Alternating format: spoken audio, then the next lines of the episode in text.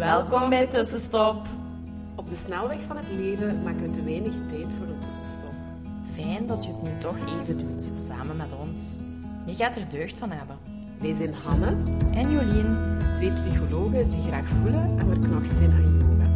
Wij gaan graag samen met jou op zoek naar hoe je leven meer kan leiden op jouw manier. meer vertragen, meer bewustzijn en vooral veel, veel meer.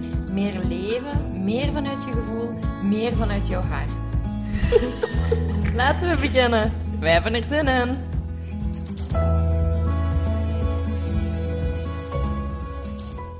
Welkom Steven. We hebben jou uitgenodigd in onze podcast rond ouderschap. Hè? En we kennen jou eigenlijk ehm, via Instagram. Uh, Ja. Zijn wij jou tegengekomen, omdat je toch wel redelijk veel gedeeld wordt met zo hele toffe, ludieke filmpjes rond eh, ja, het gedrag en, en de vragen van de kinderen. En een, ja, moeilijke situaties toch op een fijne manier positief herkaderen. Ja, en wij dachten van ja, die moeten we eigenlijk eens interviewen, want op die manier kunnen we ook zo ja, frustraties en dingen waar mensen tegenaan komen ook wat leuker bespreekbaar maken. Ja. Ik denk dat dat wel echt zo, allee, wat ik zie als de kracht, hè, of als zo 's morgens al zoiets in mijn eh, social media zit, en dan dan zo weer een, ah ja, dat is waar, Hanne, probeer dat mee te nemen in de dagen of in de week naar je dochter toe. Dus ik vind dat, ja, mij helpt het echt eh, heel erg om zo een klikje zo vaak te maken. eh. dus ja. Dankjewel. Ja, dankjewel om dat te delen. Denk ik met, eh, sowieso met ons, maar ook met eh, iedereen.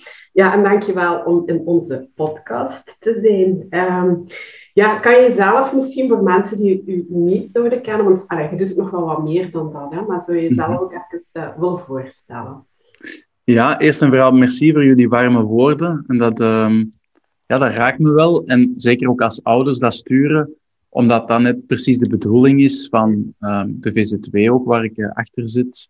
Ehm, om mensen laagdrempelig in contact te laten komen met tips en adviezen en ze aan het denken zetten. En zodat die kleine dingen misschien wel eh, over gaan, overwegen om te gaan doen in hun leven. En dat dat misschien dan een impact heeft op hun ouderschap.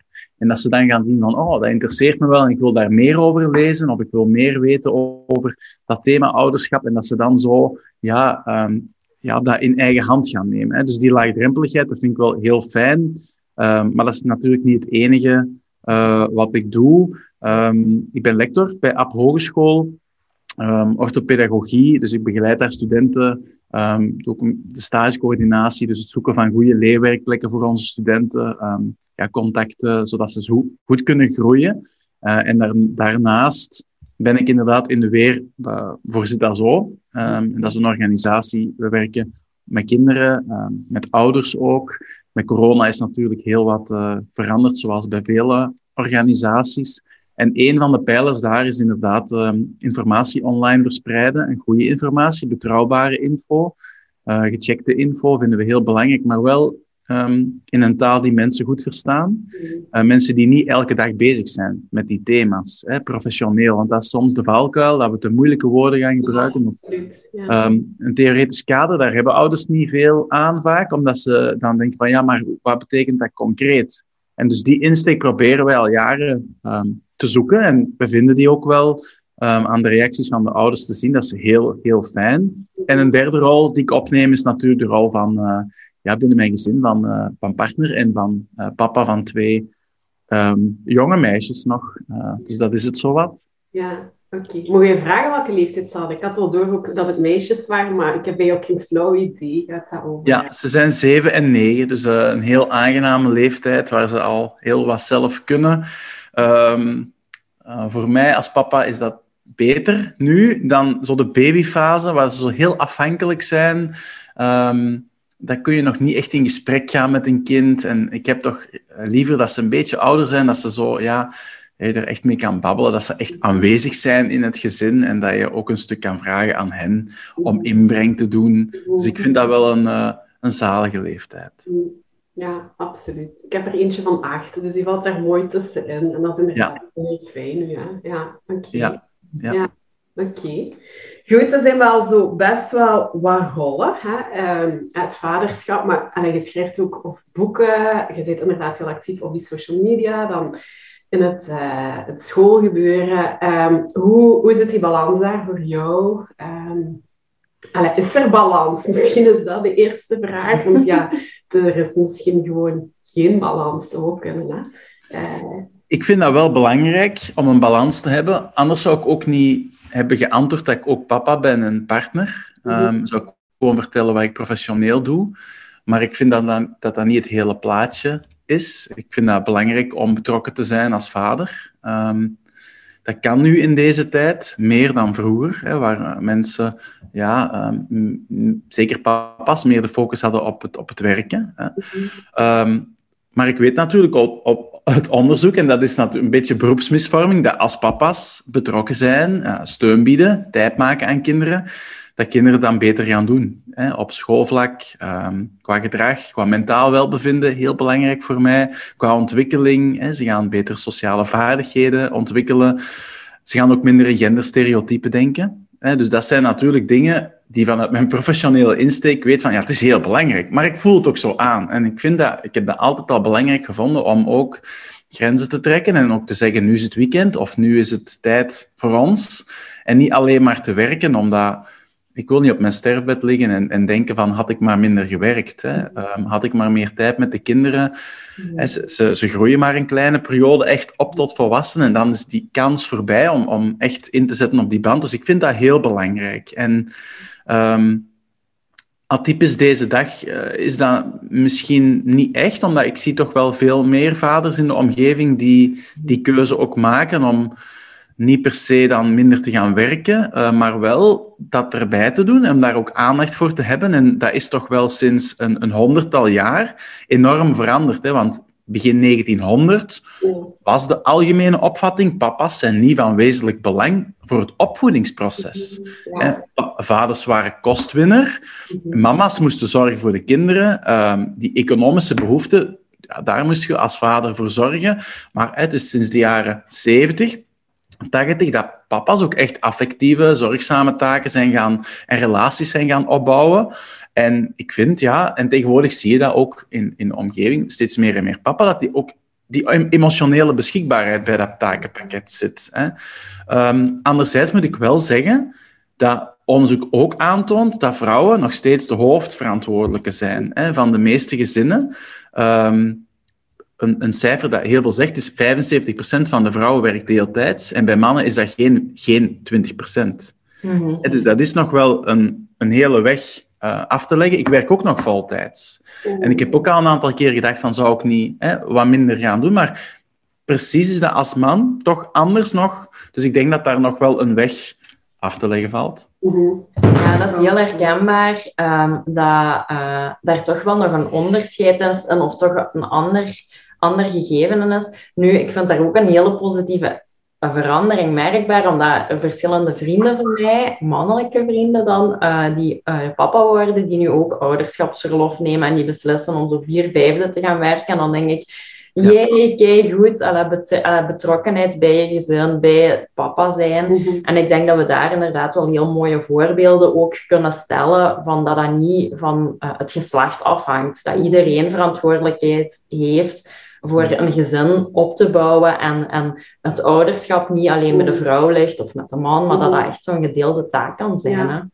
En ik geloof ook wel in de, in de vooruitgang, waar dat we, um, als, als we beseffen dat onze kinderen ons ook bezig zien en ook um, veel leren van de beslissingen die wij nemen, namelijk ook mijn vader neemt ook tijd voor mij en in, in de wordt gesproken over het aandeel in het huishouden, dan gaan zij dat logischer vinden om dat ook te doen en misschien daar nog meer stappen in te zetten. Dus dat is misschien ook niet iets dat op één of twee generaties helemaal ja, uh, gekanteld is naar een, een gelijkwaardigheid of een, of een gelijkheid in taken. Maar ik geloof daar wel in dat kinderen heel veel leren van ja, hoe, wat wij voordoen en, en, en de keuzes die wij zelf maken. Dus ik ben daar wel hoopvol. Hè? Want je zou kunnen zeggen, ja, vaders werken nog altijd meer en zorgen nog altijd minder voor het gezin. Ja, dat klopt. Mhm. Maar je ziet al een hele sprong hè, sinds uh, ja, een jaar of dertig, hè, veertig.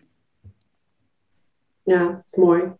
Ja, ter, allee, en voor vrouwen, want goed, wij zijn ook in die werkende rol gekomen. Hè, dus de balans. Uh, maar goed, we hebben nog iemand die we, allee, we gaan spreken daarover, een mama van vier.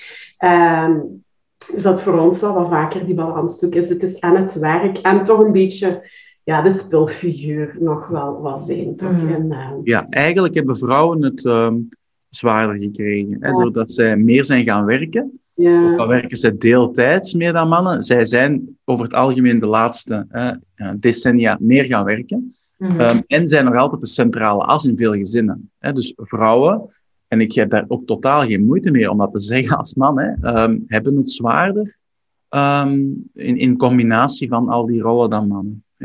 Ja. dat is een stukje erkenning geven. En dat is net mooi, als we elkaar kunnen erkennen en wat we doen, dat zorgt ook al gewoon voor verbinding. En niet dat je zo aan de strijd of je niet gezien voelt. En allee, ik vind dat ook al wel heel waardevol eigenlijk. Eh, ja. Ja, om dat te benoemen, hè, dat dat ook gewoon Ja. oké is en dat daar ook verandering in mag komen, maar dat dat nu wel ook de situatie nog altijd merendeel zo is. Hè.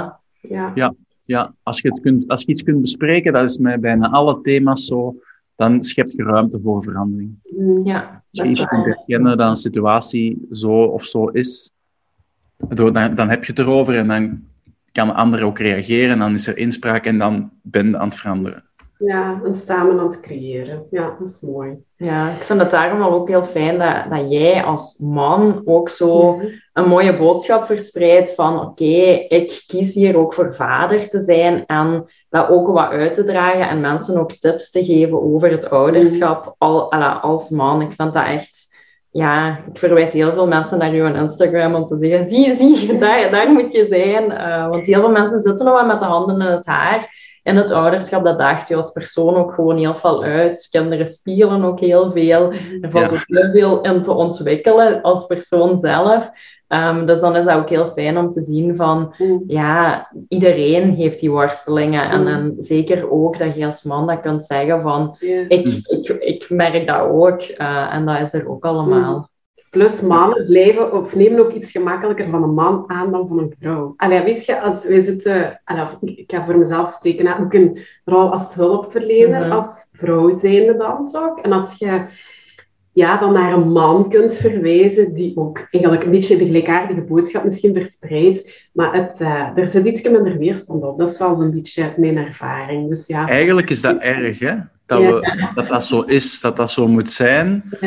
Dat er ook eh, ja, genderspecifieke jobs zijn. Of, of wat moet dan een man zijn? Misschien sterk en daadkrachtig. En, en vrouwen moeten zorgend zijn en gevoelig. Terwijl dat, dat in, in de genen en in het biologische totaal niet zo is. Hè? En dat is iets wat wij construeren als maatschappij. Op de, hè, zo is gegroeid. En ik denk dat daar al heel grote stappen zijn gezet. Ook in omgaan met diversiteit trouwens. En in, in omgaan met grensoverschrijdend gedrag. En al die discussies. Maar dat ik, ja, dat is eigenlijk niet, niet oké dat dat zo is. En dat men, waarom zouden mensen meer moeten luisteren naar het woord van een man? Ehm, ehm, goh, dus dan ben ik wel blij, als dat dan zo is, dat ik ook zo'n boodschap mee kan brengen. Ehm, en je merkt soms wel dat je daar ook reactie op krijgt, op misschien mensen die wat conservatiever eh, staan, maar goh, daar, daar, daar lig ik niet van wakker. Ik herinner me zo het samenwerken met JBC in het nadenken over hoe kunnen we de winkels genderneutraal maken. Eh, ik zat mee in die, in die stuurgroep. Ehm, dat zijn boodschappen die door heel veel mensen worden aanvaard, maar er zijn ook een aantal mensen die daar niet akkoord mee zijn. Die zeggen, ik moet weten waar de jongenskleren hangen en waar de meisjeskleren hangen, terwijl je ziet dat ook wel aan die kledingstukken. Hè. Uh, dat is geen probleem, dat er keuze is, maar ja, ik gebruik dat dan wel graag als die hebonde dan toch is, maar eigenlijk stel ik me tegelijkertijd de vraag, waarom zou je meer luisteren naar een man dan naar een vrouw? Dat is uh, iets, zo, zo sta ik totaal ook niet in het leven. Hmm. Ja, fijn. Ja, ja. Dan komen we ook een beetje naar ons volgende topic van in onze maatschappij, los van de genderrollen, is er toch nu op dit moment wel ook heel veel druk. Hè? Wij ervaren ook wel heel druk, daarom hebben we onze podcast ook opgestart om zo wat meer in te zetten op wat tussenstopmomenten, om te reflecteren en terug wat tot rust te komen en -hmm. ja, te kijken van hoe kunnen we een balans in ons leven creëren. Maar ook bij kinderen zien we toch heel veel dat er echt wel druk is van en goede schoolprestaties en, heel veel hobby's te, mo- ja. ala, precies te moeten hebben, sociaal te moeten zijn, extravert te moeten zijn, maar toch ook heel braaf, plichtsbewust. Zo heel veel zaakjes. Um, en ja, dat dat toch wel ja, ook voor wat, heel wat klachten, denk ik, zorgt. Mhm. En ik weet niet of jij daar ook wel wat meer zicht op hebt van welke klachten daar zo wat zijn, of dat er ook wel psychische Mhm. problemen bij kinderen zijn en hoe dat allemaal zit. Mhm. Ja, ik denk dat je daar de vinger op de, op de wonden legt. Hè. Ehm, we leven in een FOMO-maatschappij, een fear of missing out, en dat kenmerkt zich in, in alle aspecten. Ehm, er moet heel veel. Kinderen krijgen in de kleuterklas al te maken met moetjes en matjes, hè, terwijl dat eigenlijk ik altijd zeg van kleuters die moeten niks, Mhm. Ehm, alleen spelen ehm, en groeien. Ehm, en ze moeten van jongs af aan heel veel hè, educatieve programma's, eh, huiswerk, verantwoorde spelletjes spelen. ehm, huiswerk maken soms zelfs in de vakanties. Eh, als je gaat kijken naar rapporten, staan vaak gemiddeldes, medianen op, nog, nog steeds. Ehm, we hebben een bevraging gedaan bij, bij 1500 ouders en daar komt uit, 9 van de 10 ouders zegt van er wordt eigenlijk te veel verwacht van kinderen. We weten dat 1 op 3 ouders een kind geen huiswerk met fouten laat afgeven. Ehm 9 op de 10 ouders vinden dat kinderen meer kind zouden moeten zijn. Ehm 8 op de 10 ouders hebben het gevoel zelf te weinig tijd hebben voor hun kind. Dus dat zijn eigenlijk heel Ja, allemaal Ja. niet zo goede cijfers en goede Nee. hè, eh, dramatische cijfers. Ehm, en ik denk dat dat een stukje, ja, dat gaat natuurlijk hand in hand met de, een technologische samenleving, waar dat we in real time ehm, dingen kunnen bestellen en kunnen regelen. En we verwachten dan ook dat dat dan snel in huis is. En eh, is dat dan morgen nog niet in huis, gaan we denken van, ja, waar blijft ons, on- ons pak- pakje? Eh, wij merken dat zelfs ook met ouders die daar boekjes bij ons bijvoorbeeld bestellen, van, van het is er dan niet na twee dagen, terwijl van ja, de post doet er soms wel langer over. En vroeger ja, stelde je dat niet in vraag. En dat is door de opkomst van Zalando en van grote ehm, bedrijven die dan meteen leveren, dezelfde dag nog, volgende dag. En wij zijn het wachten verleerd. En ik denk, wij, we geven dat ook mee aan onze kinderen. Ehm, heel het stuk eh, de sociale media noem ik zo een beetje, vind ik leuk, dictatuur. Hè, waar dat je gaat nadenken, wat ga ik posten? Ehm, je gaat er dan een filter op, je gaat selecteren welke foto wel, welke niet. En dat ga je dan tonen aan, aan de buitenkant. Maar als je zelf door je feed gaat, dan vergeet je dat anderen dat ook hebben gedaan, die selectie. Hè, dat, dat, dat, dat vergeten we als mens van, ja, dan lijkt het wel te zijn alsof dit is, is, is de perfecte realiteit. Dus ik denk dat dat het grootste probleem is, dat, dat eh, er heel veel prikkels is, dat er eh, heel veel snelheid in het leven zit. Ehm, tieners geven dat ook aan, dat ze het leven als heel snel en druk ervaren. Ja. Ehm, alle onderzoeken wijzen daar eigenlijk op. En ik denk dat het soms ehm, belangrijk is om te, u te vervelen, om, om, eh, wij, om minder prikkels te hebben, om niets te doen, ook voor het lichaam van ons, van onze kinderen. Dus dat is zeker wel iets wat dat leidt tot stress. En, en stress leidt hè, tot, tot psychische problemen en tot een constante staat van alert zijn in de window of tolerance, waar dat er steeds meer mensen zijn die constant het gevoel hebben van ik moet Over dat raampje, ja. in dat raampje boven in de rode zone hè, zitten, die constant moeten op hun hoede zijn, want het gaat heel snel en er moet heel veel. En ik mag geen een bal laten vallen, ehm, want dan, hè, dat kan niet, dat, dat wordt niet geaccepteerd. En ik denk dat we daar als maatschappij eh, ja, heel grote leerkansen nog hebben. Mhm. Ja, ik herken dat wel. Ja, ik denk voor onszelf zitten wij vaak... Oké, tussenstop is er niet zomaar gekomen. Het is omdat we al een beetje afgeschakeld en de bewustwording er helemaal is.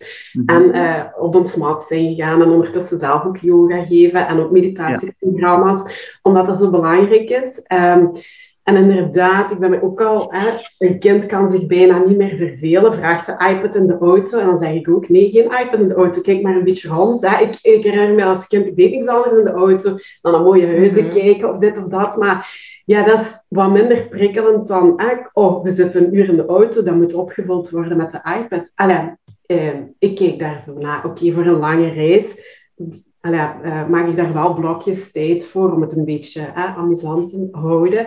Ja. Maar, ehm, en niet alleen voor jonge kinderen, maar ik heb ook of in de praktijk ook best wel wat eh, zo 16, 17-jarigen. En ik weet nog heel goed in het eh, was dat verlof zo in november. Dat zijn vooral meisjes op dit moment ook, die ja, een hele week met school waren bezig geweest. Omdat er na die week allemaal toetsen. En er was eigenlijk geen tijd en ruimte. Hè. En het was al in de context van corona en weinig ontmoeten. Maar er was eigenlijk ook bijna geen tijd Mm. en ruimte voor sociaal contact of een namiddag met vriendinnen. En dan kon ik echt voelen, oké, dat was in mijn tijd toch nog een beetje anders. Ja. En dan denk ik, allee, dat, erg. dat is zo schadelijk voor hè, ehm, de context nu al helemaal, denk ik, waarin hè, de leeftijd dat je peers het belangrijkste zijn, dat, je die, allee, dat daar eh, weinig momenten nu rondgekomen, allee, ja, gecreëerd kunnen worden. Maar dat onderwijs daar ook gewoon maar al die verwachtingen op blijft kippen en eh, die tijd en ruimte niet laat voor ja, eens niks doen. En eh, allee, ik weet, mij had dat toen wel eh, heel erg aangegrepen. En dat was niet één verhaal, dat waren er echt meerdere. Dat ik denk, ja, maar zijn wij nog wel goed bezig eigenlijk zo? Hè? Ja, En- Wat je daar zegt van, van, die, van dat invullen van de tijd. Heel veel ouders geven aan dat ze, dat, dat ze dat, die behoefte hebben. Dat ze denken dat kinderen die behoefte hebben, dat altijd alles wordt ingevuld. Terwijl verveling is een cadeautje. En ook ehm, geduld hebben of leren hebben is ook een soft skill die je later in het leven zult nodig hebben. Want in het volwassen leven gaat ook niet alles zoals dat je wilt. En moet je soms ook wachten. Uh, als je een werk wilt doen in je appartement of je huis, dan, dan zult je daarvoor moeten sparen. En, en er zijn maar weinig mensen die dan meteen alles kunnen hebben wat ze willen. Um, en ik herinner me, als ik vroeger... En ik had een Game Boy, dat was een zwart-witte Game Boy. Uh, als het donker was, dan, had het, dan ging dat niet. Hè? Als die batterijen plat waren, dan was het spel weg. Ja, ja, en dan was het gedaan. En ik had alleen Tetris. Hè? En ik wou zo graag Super Mario Land 1, want dat was het van het. En, en mijn ouders zei, ja, dan moet je daarvoor sparen. Hè? En um, maanden heb ik daarvoor moeten sparen. En ik had eindelijk genoeg geld en ik ging naar de winkel en ik weet, dat was uit stok. Hè? Um, in elke winkel hadden ze dat spel niet meer. En dat moest opnieuw bijbesteld worden. En dat was niet zoals vandaag, van een druk komt dan volgende week. Nee, nog eens maanden wachten. Maar ik herinner me wel dat dat toeleven naar ik ga dat spel in handen krijgen en uiteindelijk dan het spelletje hebben en, en daar dan zoveel geniet van hebben, van oh, daar, hier heb ik zo lang op moeten wachten. Ik merk als mijn dochter zegt van, oh, maar ik dit op de iPad, dat eigenlijk met, met een vingerafdruk um, heb ik dat geïnstalleerd. Hè? En dan kost dat 99 cent of gratis, of maakt eigenlijk niet uit, maar kinderen krijgen heel snel, omdat het zo gemakkelijk is geworden. En ik denk dat we daarover moeten reflecteren, we moeten over nadenken. Moeten we wel alles invullen? Moeten we wel meteen uh, elke rit van een, een, drie kwartier of een uur moet die worden ingevuld met, met tablettijd? Of is dat niet nodig? En heel vaak zo tot de conclusie komen, dat is eigenlijk niet nodig.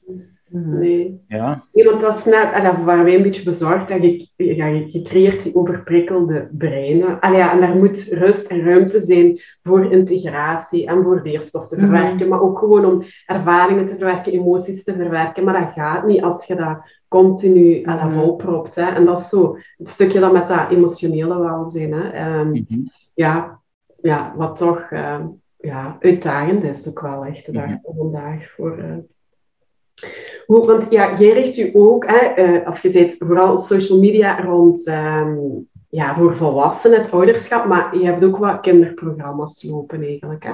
Allee, of assertiviteit, uh, ook rond zelfvertrouwen. Of, uh, ja. hoe, wat steekt je daarin? Of, ehm, ja, het is langs de ene kant inderdaad, onze assertiviteitstrainingen zijn heel laagdrempelige trainingen voor kinderen in kleine groep, um, waar ze vooral um, ontdekken dat er ook anderen zijn die um, onzeker zijn. En dat is heel belangrijk, lotgenotencontact bij, bij kinderen. Um, en we stellen vast dat er steeds meer kinderen nood aan hebben, jammer genoeg. en we gaan dus met die kinderen samen kijken hoe kunnen we in, in gedrag en attitude veranderingen uh, bewerkstelligen. Hè? Want je kunt kinderen een aantal vaardigheden aanleren, waardoor ze sneller en beter contact kunnen maken met andere kinderen. En enkele tips zijn daar, hey, oogcontact maken als je wilt instappen in een spel, is een heel effectieve strategie, waar een aantal kinderen nog niet over hebben nagedacht van, ah, werkt dat dan zo? Hoe kan ik instappen in een spel waar, waar kinderen aan deelnemen die ik, waar ik nog nooit mee heb gespeeld? is heel moeilijk voor veel kinderen. En dus dan leren we ze die praktische zaken, hoe ga je instappen, um, hoe ga je met je lichaam ook uitstralen, uh, dat je um, iemand bent waar de, de rekening mee mogen houden. Hè? Niet ineengezakt, uh, niet, hè? maar hè? als je in een grootstad s'nachts over straat loopt en je kijkt recht voor u met een zelfzekere blik, is de kans meer dan 50% minder dat je gaat overvallen worden hè, dan wanneer je uh, ineengedoken ligt. Hè. Dus de lichaamstaal en de kracht daarvan, daar gaan we met kinderen ook hè, in lichaamswerk um, aan werken. En dan het tweede stuk, die attitude, die mindset, is hoe kinderen denken. Hè, en hen leren dat wat ze doen wordt bepaald door wat ze denken. Hè? En, en een gevoel dat daar dan bij komt van, goh, ik denk dat ze mij niet leuk gaan vinden. Ja, oké, ik maak dan de stap niet om hallo te gaan zeggen. Hè? Dus ze houden zichzelf eigenlijk tegen, want ze weten niet, gaan de anderen mij uh, leuk vinden. En twee derde van de gedachten, van de negatieve gedachten die we denken over de toekomst of over anderen, blijken niet te kloppen. Dus de positieve psychologie zegt dan, uh, denk daar niet aan. Hè? En ga, probeer, ga van het positieve uit. En, en dan ga je denken van ja, ik kan het altijd proberen om toch contact te maken. Ik zal wel zien wat er daarna gebeurt. Dus een stuk daar met kinderen ook um, mee, mee aan de slag gaan. Hè? Maar als ik eerlijk um, zou denken, wat moet er echt gebeuren ja. als het gaat om psychische problemen, eh, dan denk ik dat we moeten gaan kijken naar het macro-perspectief, het, het uh, hoe dat de maatschappij is georganiseerd, en moet daar de druk van de ketel, want uiteindelijk zijn jullie en zijn wij um, aan symptoombestrijding aan het doen. Absoluut. Ja. We werken met producten van een maatschappij die dat eigenlijk um, te snel gaat, te veel druk legt, te veel is gericht op kennis -huh. en op harde economie. -huh. um, we zien dat dat ook in, in het beleid wordt ja, verdedigd. Hè? En dat er ook uh, professoren zijn en die echt daarvoor gaan. Van, we zijn een zesjescultuur aan het worden waar we tevreden zijn met een, met een zes. En ik zeg van een zes is goed. Uh, en we moeten misschien wat meer naar een acht of een negen op emotioneel welbevinden gaan. Hè? Waar dat dan nu um, onvoldoende is voor veel kinderen. Dus ik denk dat, dat het meer moet ja, um, een aanpak zijn van een, een ja, het verminderen van druk op onze kinderen, het verminderen van druk op ouders, hè, uh, mildheid een stukje gaan voor goed genoeg ouderschap. Um, niet projecteren op onze kinderen wat we denken dat de maatschappij op ons uh, verwacht, maar kijken naar een eigen tempo, uh, kijken naar wat kinderen nodig hebben, um, kunnen omgaan met tegenslag en imperfectie ook. Um, en ik voel wel dat de nieuwe generatie, hè, de generatie Z, die nu 18 uh, tot 24 is, dat zij wel meer in, in, in dat patroon kunnen kijken. Hè. Um, in de reclame merk je dat, dat imperfectie wordt um, aanvaard. Het zijn niet meer allemaal hè, zo de body positivity verhalen. Dus ik, ik ben wel altijd hoopvol in, in alles, ook al kan ik wel zeggen, dit is niet goed. Ik vertrouw er wel op dat we er wel gaan komen. Maar ik denk dat we voorbeelden moeten nemen aan begrippen zoals FICA uh, in, in, in Zweden of Denemarken. Even halt houden, tijd maken. Hè. Je hebt daar ook legom er best. Dat betekent net genoeg is het beste. En zo die principes meer toepassen op hoe dat we omgaan met onze kinderen en, en niet meer allemaal in die race, in die sprint zitten. Ik denk dat daar de grootste winst te halen valt. En niet in het kinderen die dan uiteindelijk uitvallen, gaan, wat ook belangrijk is, hè, wat jullie ook goed doen dan, in, in ze hen ondersteunen, maar een stukje het bij de bron aanpakken. Ja, want wij zien ook wel heel veel alla, jongvolwassenen dan, um, want echt kinderen begeleiden wij niet, maar eerder zo de, de 16, 17, 18 tot en met midden 20, die toch wel ook een heel negatief zelfbeeld hebben. Hè, doordat er geen ruimte is geweest om wat te ontdekken van wat past bij mij, wat vind ik, bij, wat vind ik leuk, um, waar zitten mijn talenten en wat, maar die echt zo ja, in dat schoolsysteem wel vaak en door al die verwachtingen van de maatschappij, ja, een, een kadertje voorgehouden worden en hier moet ik in passen en als ik daar niet in pas, ja, dan, dan is er geen alternatief. Dan hoor ik er niet bij, of dan ben ik niet goed genoeg, of dan, dan ben ik niet perfect, of dan, dan ja, en daar toch heel angstig in, in um, functioneren.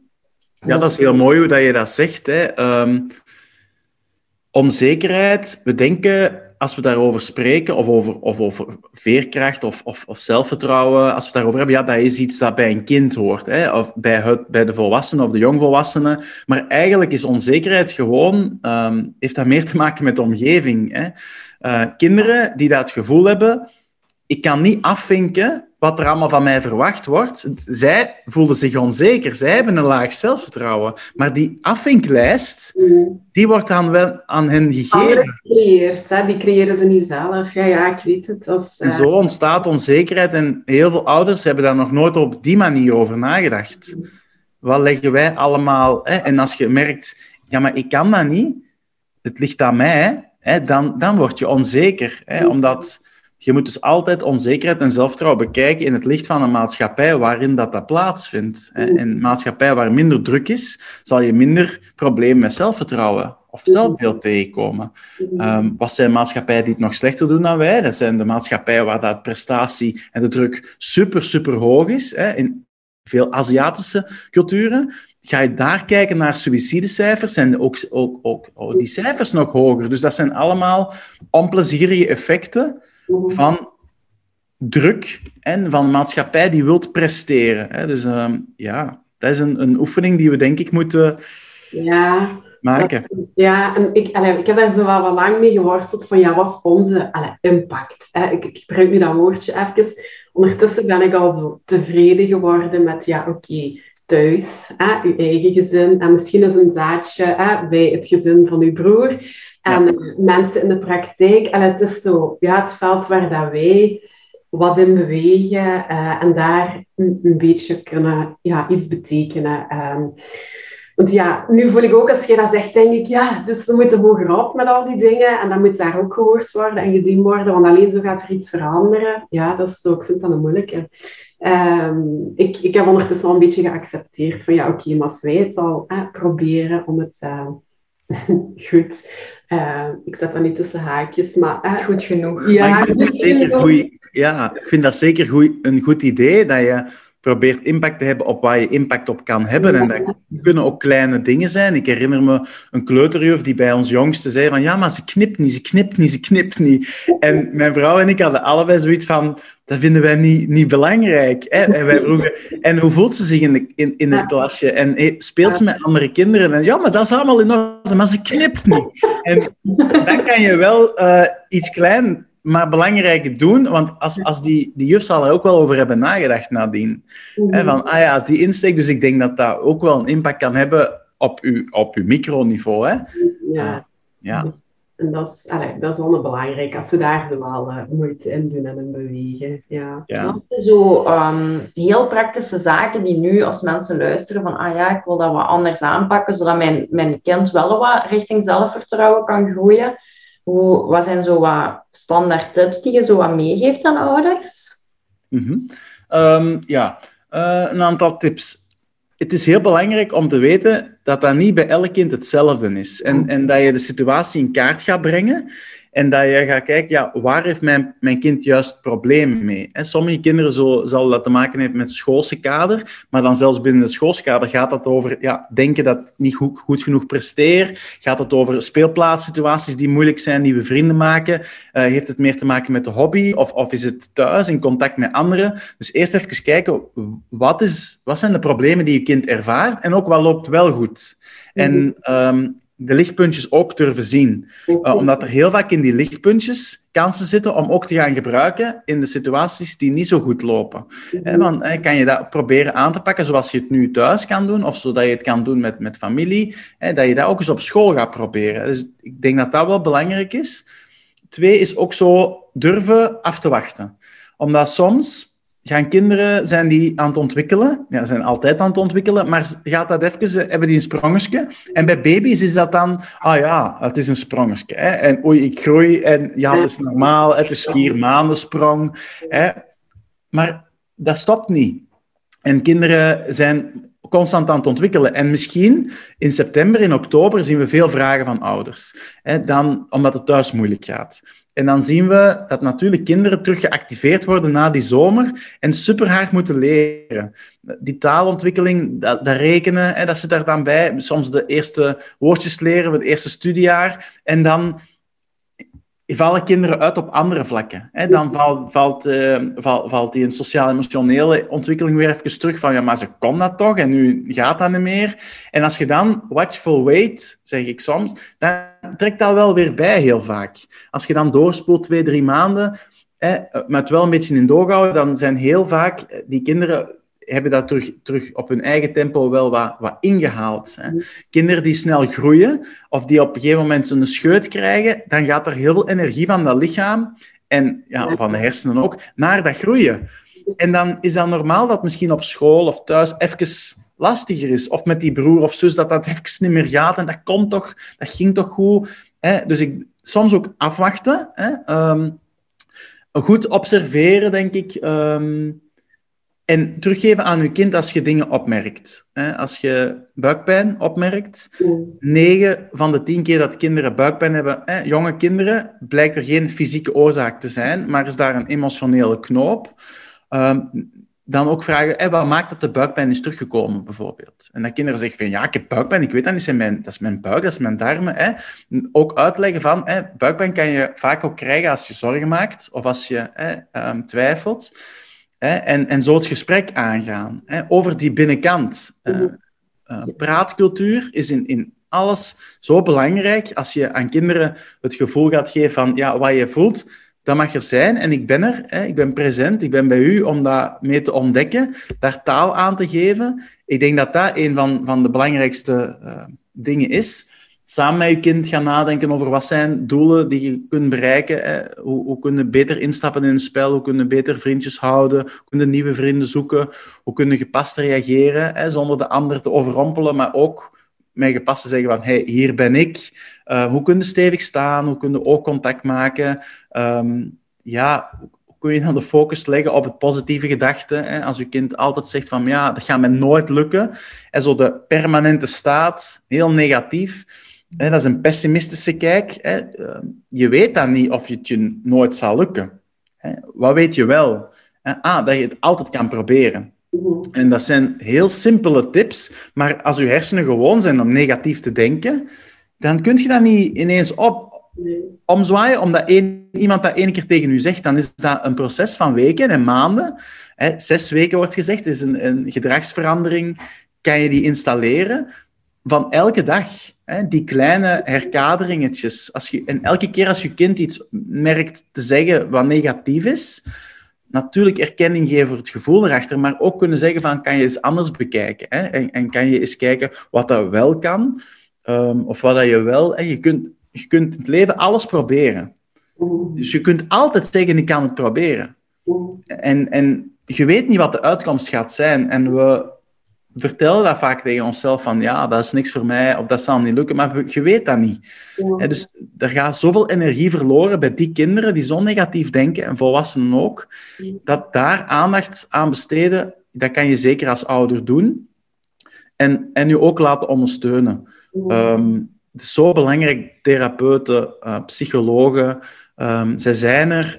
Oké, er zijn soms wachtlijsten, maar dat is ook oké om, om, als je het zelf niet, niet ziet of niet, niet daarmee bezig bent, om daar ook uh, mensen in aan te spreken. Via het CLB van de school bijvoorbeeld.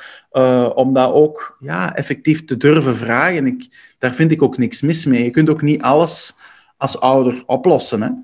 Ja, we denken dat soms wel. Of allee, velen denken dat. Ja. Ja, dat is die verwachting er. Hè. Je moet dat allemaal kennen, zo, want ik ben de ouder. Zo. Ja, Terwijl hulpvragen is inderdaad iets heel krachtigs. Van, ik, zie, ik zie het niet of ik, ik, ik mm. schiet ergens tekort en ik moet daar eigenlijk zelf ook een bij leren. Uh, dat is ook iets heel mooi om aan je kinderen te modellen, hè, voor te doen. Ja. Hulpvragen is oké. Okay.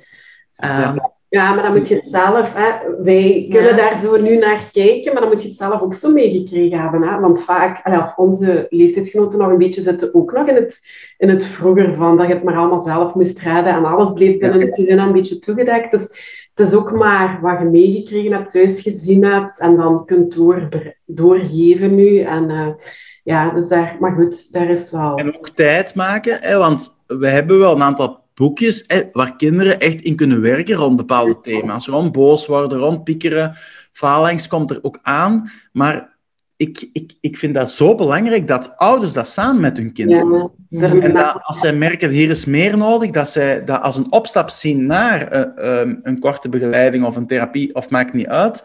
Maar het is niet iets... Want dat is ook eigen aan onze maatschappij, van ah, ik ga dat dan kopen en ik geef dat aan mijn kind.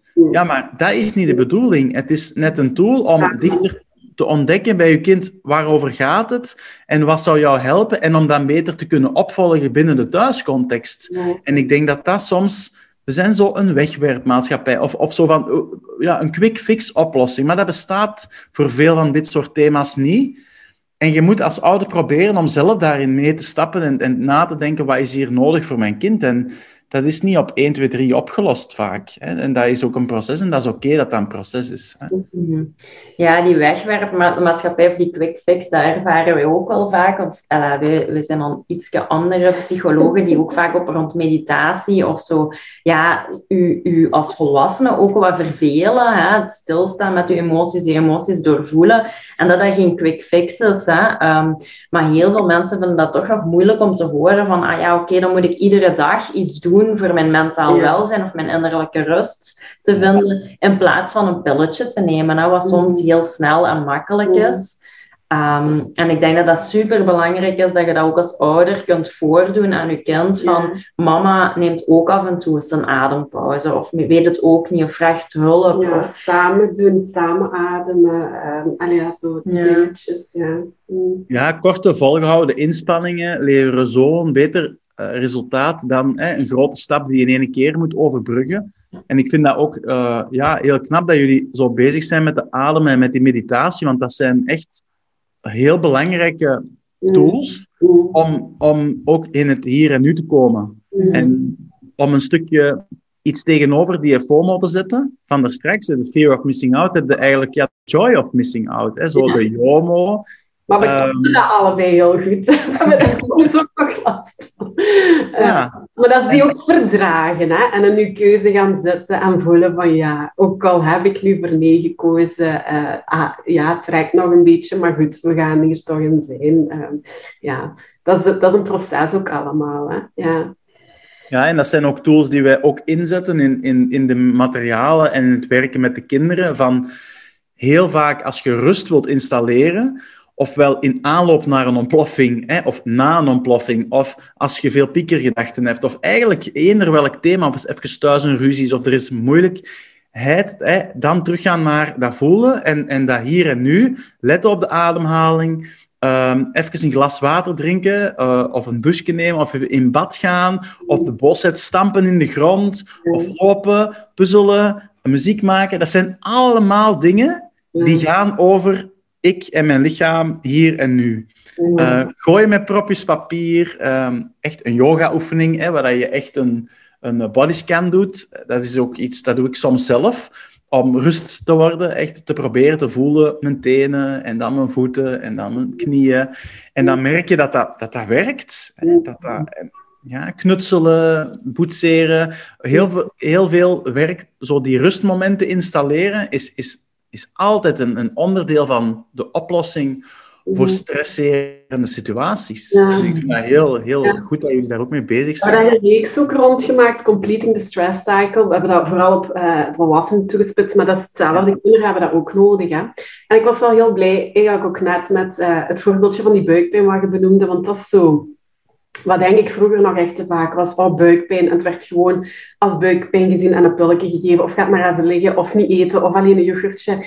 En, maar zo daarnaar durven kijken, want dat is eigenlijk wat wij bij alles doen. We gaan niet alleen naar psychische klachten, maar ook waar zit je lichaam vast? Waar, en wat wil dat zeggen? Ga daar eens mee zitten, luister daar eens naar. Um, dat is echt, ja, ik vind dat, ja... Maar goed, dat zat niet in onze basisopleiding. Hè. Daar zijn we ook maar on the road, uh, door eigen obstakels, veel meer mee um, ja, zelf naar gaan kijken en hem gaan ontwikkelen. En, uh, maar, ja.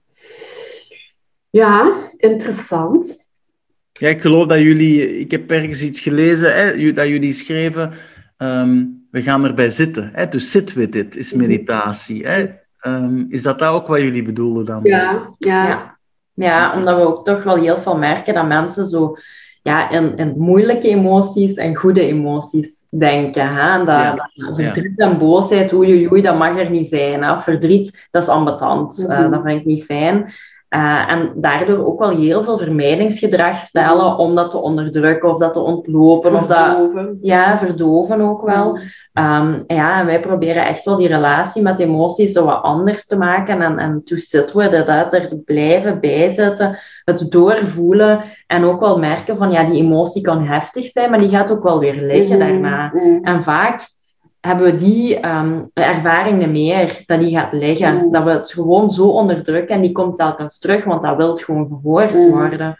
Ja, of gaat zich ergens in het lichaam komen vastzetten. Dat is wat we dan ook heel veel zien. Hè. En dan heb je al die lichamelijke klachten waar vooral medicatie voor gegeven wordt. Maar ja, je gaat niet naar uh, ja, de oorzaak of wat dat er borrelt of gehoord of gevoeld wil worden. En dat is zo ja, dat is de, de reis waar dat wij ook wel heel erg op zitten. En uh, daar een beetje mee een bewustzijn, alle awareness rond willen creëren. En, uh, ja. Ja, dat is zo belangrijk. En, ja. en, dat is mooi hoe dat jullie dat ook zeggen, hè, dat doorvoelen. To sit with it. En, en um, hoe, hoe dat je het net zei, van ja, je gaat um, wachten op wat er eigenlijk moet gevoeld worden. Even, je gaat proberen te voelen op wat, er, ja. wat je lichaam ook wilt zeggen.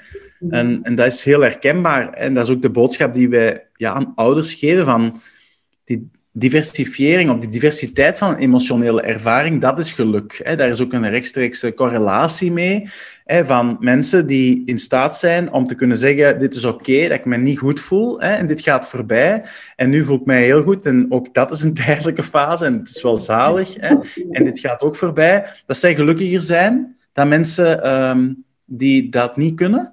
En ik denk dat dat ook weer te linken is met die FOMO en met de maatschappij. En, en we zitten in een good vibes only maatschappij. En ik denk dat social media doen er echt geen goed aan. Um, je ziet dat aan het veranderen is op TikTok weer de generatie Z die na ons komt. Uh, ze, zij gaan daar anders mee om. Zij kunnen ook donkerheid laten zien, uh, kwetsbaarheid. En daar vind ik echt, ja, ik ben trots hè, op een nieuwe generatie. Ik vind dat zo inspirerend dat zij, en ik wil daar ook dingen van gebruiken. Uh, zij kijken echt anders dan, dan onze generatie en zeker dan de generatie boven ons. Ja, ja. Um, namelijk, het is um, niet allemaal één lijn uh, naar de zon. En, uh, en kinderen die vallen en we zeggen, ja, maar je moet daar toch niet voor wenen? Jawel, hè, even is de wereld voor dat kind ingestort. En natuurlijk is dat maar een schrammetje... Um, maar voor dat kind is dat meer dan die schram. En is die gevallen en, en die wereld is, is tumbling down. En op dat moment daarbij gaan zitten en zeggen: Ja, maar je moet daar toch niet bang voor zijn? Dan, dan zeg je eigenlijk wat je nu voelt, dat mag je niet voelen. Dat is wat je net zegt.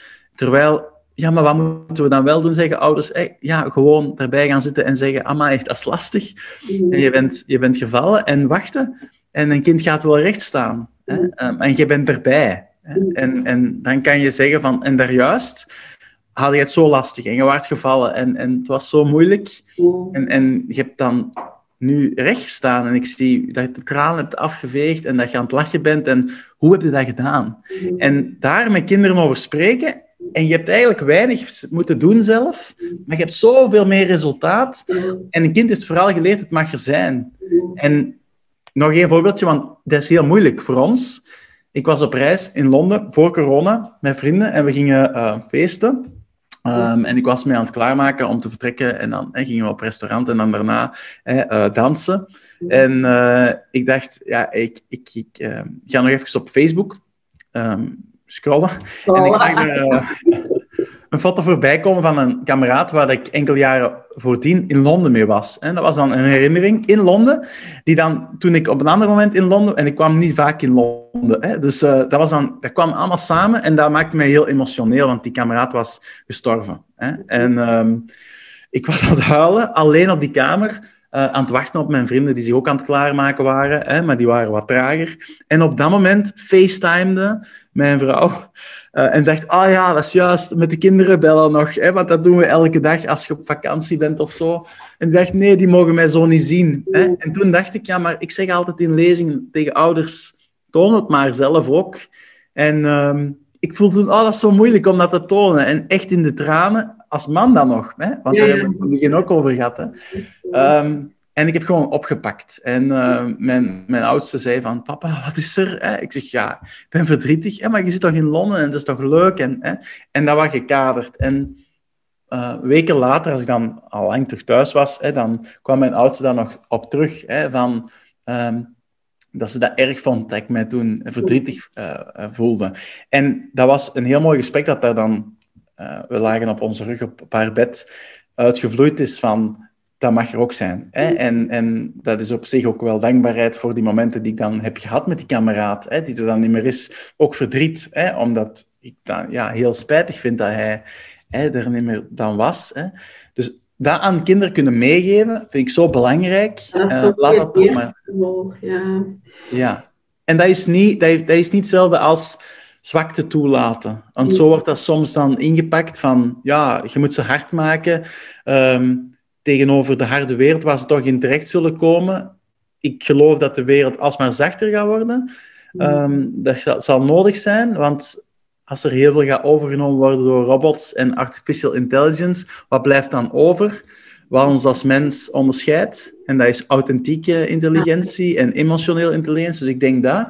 En twee is, als de wereld hard is, dan is het niet onze taak om onze kinderen daartegen te wapenen, maar om, die, om de wereld misschien wat minder hard te maken. En dan is die cirkel rond, hè? Mm. Ja. Exact. Laten we dat. Ja, vind ik wel een hele mooie. Of ik, ja, dat, dat is ook iets wat wij echt willen uitdragen. Echt helemaal zo. Ja. ja. ja.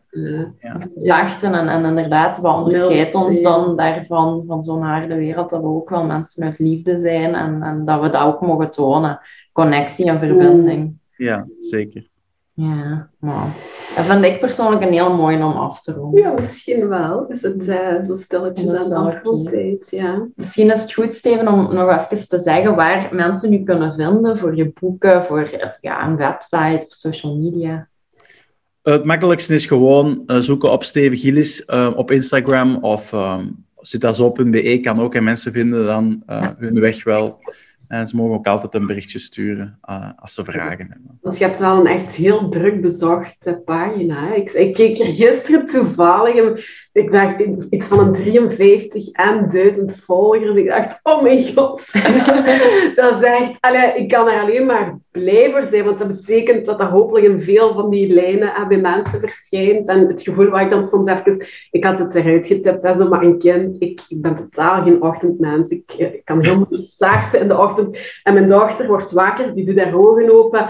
Ik ga opstaan en, die, en ik, ik, daarin voel ik haar niet. En kan ik zo voelen, kunt je nu niet rustig ontwaken en kunt je allee, die drukte en je herkadert dat dan ook. Dat is eh, een enthousiast kind, of ik weet niet meer hoe dat het was, of een, eh, een, een kind dat um, ja, een levendigheid in zich voelt en gewoon in de dag ja, ik mag dat niet aframen. Allee, of af, dus niet van aframen, maar ik moet daar positief over blijven naar haar toe en niet zo in mijn eigen overrust te gaan. Maar, uh, ja, er zitten in veel situaties ook elementen waar je eigenlijk dankbaar voor kunt zijn. En ja, dat is mooi.